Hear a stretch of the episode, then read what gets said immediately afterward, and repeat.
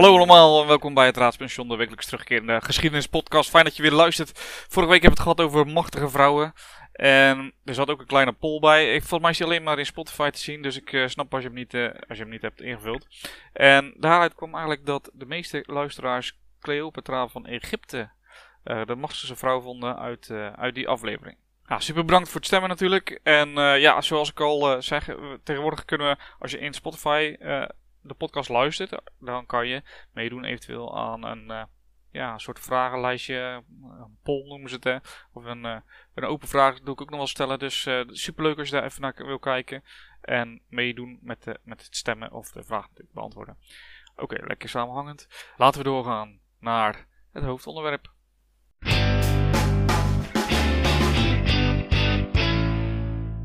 Er is een nieuwe studie geweest op het schip de Batavia. Het is een schip dat uh, eigenlijk maar één keer een gevaar heeft. En bij zijn eerste, bij zijn eerste vaartocht zonk hij al bij Australië. En het schip heeft ja, geheim onthuld hoe de Nederlanders aan hun hout kwamen. Want wat is nou het verhaal? Eigenlijk in de tijd waar, we het over hebben. Dus uh, tussen 15, 16, 17e eeuw. Er waren natuurlijk de landen die de grootste vloot hadden en de sterkste vloot hadden. Die, ja, dat waren de wereldmachten. Hè? En de Republiek, de Nederlandse Republiek, had een van de sterkste vloten. Uh, voor een lange tijd. Uh, tegen de Engelsen waren ze vaak aan het vechten. Maar ja, voor die schepen, daar heb je natuurlijk heel veel hout voor nodig. En de vraag is altijd een beetje van, waar komt nou dat hout vandaan? Nou ja, de Batavia, het VOC-schip, uh, verging in 1629 bij een koraalrif, ongeveer 65 kilometer voor de kust van West-Australië. Um, ongeveer 200 mensen overleefden de schipbreuk. En um, uiteindelijk zou dit schip te zien zijn in het Western Australian Shipwreck Museum. En daar hebben wetenschappers hebben een monster genomen van het hout van Batavia. Om nou eens te onderzoeken van waar komt dat hout vandaan. Nou ja, om dat een beetje te begrijpen weten we natuurlijk al dat uh, de moedernegotie, daar hebben we het volgens mij wel eens over gehad. Uh, maar even heel duidelijk gezegd, heel makkelijk gezegd, de moedernegotie is eigenlijk ontstaan naar aanleiding van de Hanzesteden. we hebben een periode gehad dat uh, dat alle gebiedjes waren gewoon losse gebieden. Er was niet echt een grote staat. En allerlei steden waren met elkaar aan het handelen. En die handelsroute die breidde vooral naar, de, naar het oosten uit. En al die steden bij elkaar noemen ze de Hanse-steden. Die hadden een soort verbond met elkaar gesloten om met elkaar handel te drijven. En eigenlijk dat verbond, dat zorgt eigenlijk, dat, dat plant het zaadje eigenlijk voor de moedernegotie. Het is een beetje een, een rare naam, moedernegotie. De term is een beetje een politieke term aan te duiden hoe belangrijk die handel is. En het eerste bekende document waarin die OC-handel eigenlijk de moeder van alle handel wordt genoemd, is in de deductie van de raadspensionaris Johan de Wit. En hij uh, omschrijft daarin waarom het zo belangrijk is om die handel te handhaven. In de hoop eigenlijk te voorkomen dat er belastingverhoging komt op de, op de graan. En graan is een van de producten die uit die OC-handel werd gehaald.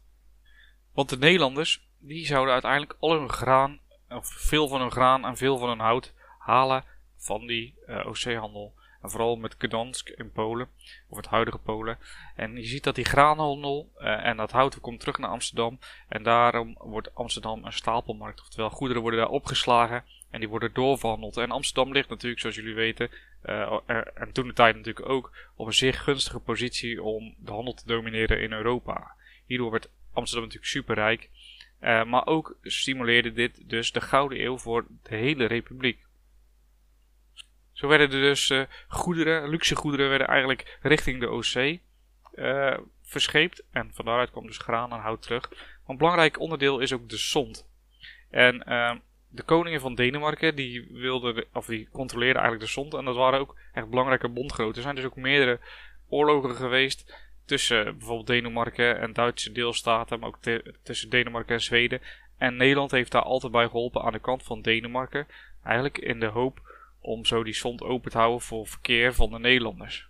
En om je een idee te geven hoe belangrijk die zondtol was, hè, de, tol die je moest betalen om door de zond te varen. Um, vanaf 1497 blijkt dat al meer van de helft van de schepen komen uit Nederland of uit Holland, het gewest Holland.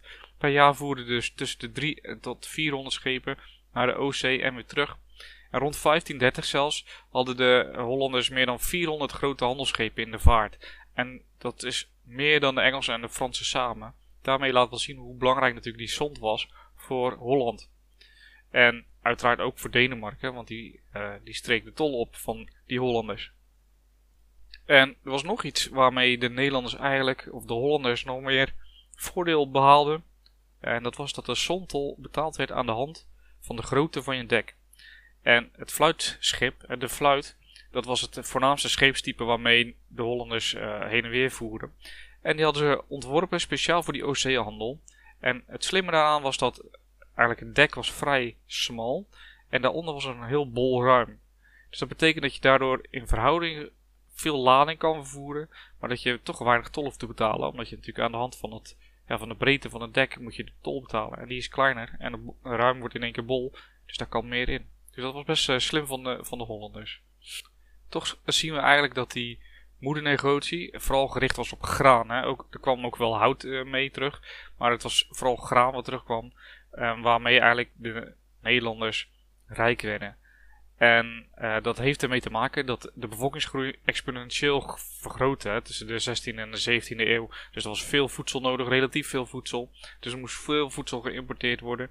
Dat kon opgeslagen worden in Amsterdam en van daaruit weer verhandeld worden. Het is ook zo dat de VOC eigenlijk maar een heel klein percentage van de totale winst uh, en het geld wat de wat de Republiek binnenkreeg, binnenhaalde. soms wordt er wel eens verward, soms wordt er gedacht, de VOC dat is de grote winstpakker eigenlijk van, uit de geschiedenis, maar dat is niet zo. Nou, dan kun je natuurlijk afvragen waarom deden de boeren in, uh, in de Republiek het zelf niet verbouwen, graan in dit geval.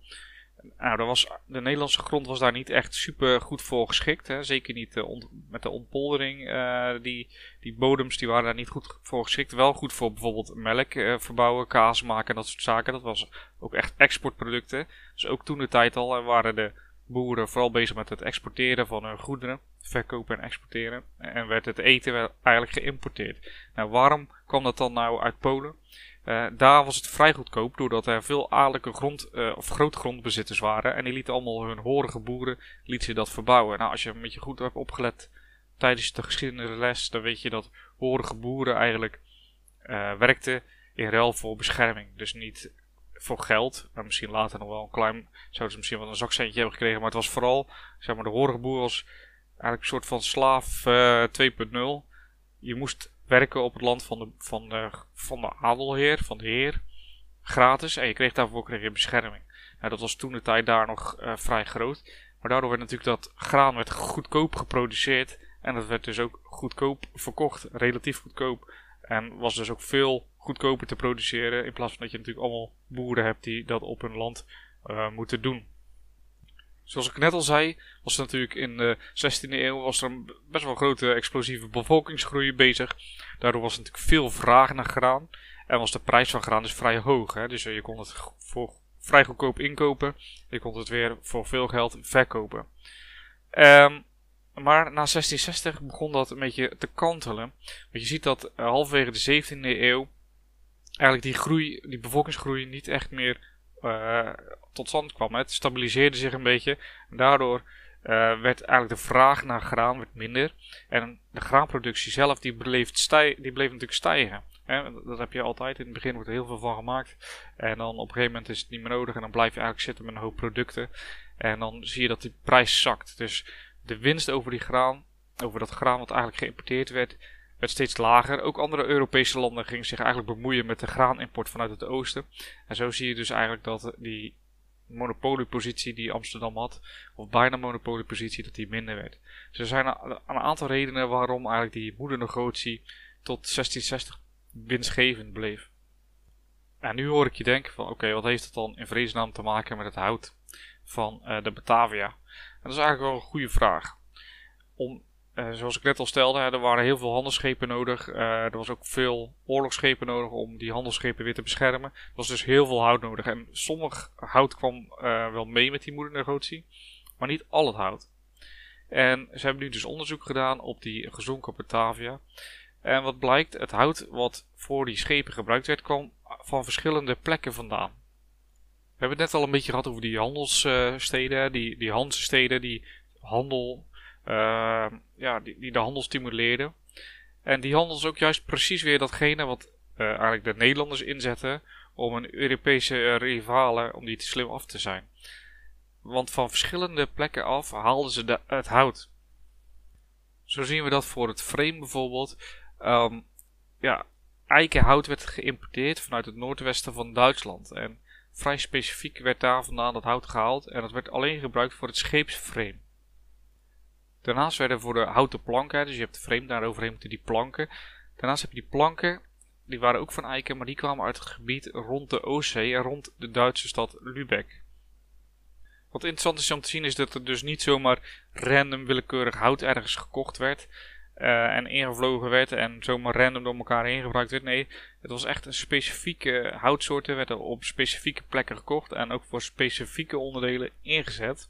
Dus dat betekent dat die scheepsbouwers, dat, die, die, dat waren gewoon hele professionele scheepslui. Of bouwers eigenlijk. Hele, hele professionele bouwers die specifieke wensen hadden. En daar ook goed op acteerden. Nou, nu, nu kan je natuurlijk afvragen, hè, waarom weten we dat nu pas? Waarom hebben we daar die Batavia voor nodig? Nou, het mooie van die Batavia is dat het natuurlijk een schip is wat eigenlijk maar één, uh, één route heeft afgelegd. En dat betekent dat er ook geen reparaties aan gedaan zijn. En je kan je voorstellen reparaties die ja, die zorgen voor een soort verkeerd beeld. Hè? Als je opeens een gat hebt met een ander soort hout, dan denk je, hoe kan dat nou? Uh, dus die reparaties waren daar nog niet aan gedaan. En daardoor konden ze, kunnen ze beter, dus aan de hand van die Batavia, kunnen ze achterhalen wat nou precies de bouwtechnieken waren. En hoe het in elkaar zat. Even voor, dat vond ik zelf heel interessant. Even voor het idee. Um, je hebt natuurlijk dat, dat houten frame. En daar overheen zitten eigenlijk twee dikke lagen met romplanken. Dus grote planken rompplanken. Daarna nog een extra laag grenen en uh, een laagje koper. Dus dat is wel hoe zo'n schip gebouwd werd. Dat is wel interessant. Ik wist dat zelf niet. Uh, ik dacht gewoon, het is één rij planken. Ik vond het altijd al heel indrukwekkend dat het waterdicht was. Maar uh, ja, op deze manier werd het, werd het dus gebouwd. Dus ja, zover eigenlijk de moedernegotie en het onderzoek op de Batavia. Het is ook te lezen op Scientas. Uh, het is wel een wollig artikel, oftewel er zitten veel uh, stukjes in waarvan je denkt van oké, je had uh, drie kwart dat je weg kunnen schrappen en dan hadden we nog geweten waar het artikel over ging. Maar het is wel, het natuurlijk heel erg interessant ja, om te lezen hoe ze dat onderzoek zich dan ontwikkelt en waarom ze dan bijvoorbeeld zo'n Batavia nodig hebben en dat die, dat die rom van die Batavia dus in Australië nog te zien is. Ja, zover de moeder negotie en hout en Batavia. Wat mij laatst opviel op de televisie was een reclame die in het teken staat van de Week van het Leven.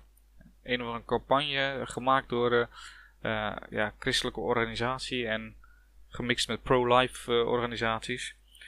En ja, ik vond het best wel heftig om, om, om, te zien, dat, dat spotje.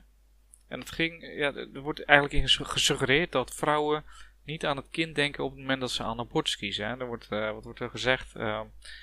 Uh, denk eens aan het kind, het heeft ook een leven, nou bla bla bla. En er zijn best wel een record aantal uh, klachten ook gekomen bij de reclamecodecommissie, die natuurlijk een soort waakhondfunctie heeft over re reclames. Um, ja, ik vond zelf ook wel best wel een heftige.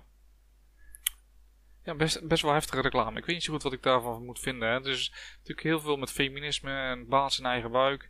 En in Amerika zie je al dat uh, ja, abortuswetten eigenlijk worden afgeschaft. En uh, dan denk ik, ja. Ik denk dat er te snel gedacht wordt dat, uh, dat mensen zomaar een baby weghalen. Of uh, ja, ik weet het niet. Ik vind het gewoon ik vind het heel raar. Ik vind, een, ik, ik, vind het raar dat, dat, dat we nu in 2021 leven en dat dan dit weer naar voren komt. Wel denk ik dat het overigens ergens misschien wel logisch is. Je ziet altijd, we hebben het al eerder over gehad, van die, die golfbewegingen in de geschiedenis. Op het moment dat eh, extreme komen, dan gaat het weer terug naar de andere kant, dan wordt het weer extreem. Dus het zou best, uh, het zou best kunnen dat we weer een beetje op de retour zijn. Uh, we zien ook op tv hier natuurlijk allemaal films en series die allemaal heel kuis zijn en netjes. Ten opzichte van ja, de jaren 80 en 90, toen ik opgroeide met Vlodder bijvoorbeeld, was natuurlijk heel anders. Goed, ik ben wel benieuwd ja, wat, wat jullie vinden van die abortus, anti-abortus pro-life reclame. of het gedachtegoed. Dus ik ga er een polletje van maken Spotify. Je kan dus in Spotify op de aflevering drukken. En als het goed is, kan je, zie je daar een aantal opties waaruit je kan kiezen. Dus ik zou het leuk vinden als je uh, stemt. En dan volgende week uh, ga ik daarop de reacties bespreken. Um, het is een beetje een korte podcast, uh, maar ja, het zij zo. Het is eh, goed gevuld, hoop ik. Ik hoop dat je het interessant vond. En ik hoop dat jullie volgende week weer terug zijn bij een nieuwe aflevering van het Raadspension. Overigens kun je mij natuurlijk vinden op social media onder Paulus Historicus, zo op Twitter, Facebook, Instagram, Snapchat, TikTok, uh, wat je ook uh, maar wil. Je kan me daar bereiken. Stuur ook een berichtje. Je kan ook mailen naar geschiedenis.paulushistoricus.nl. Ik vind het leuk om iets te horen of, op een, uh, of een onderwerp door te krijgen waar jij graag meer over wil weten. Tot volgende week.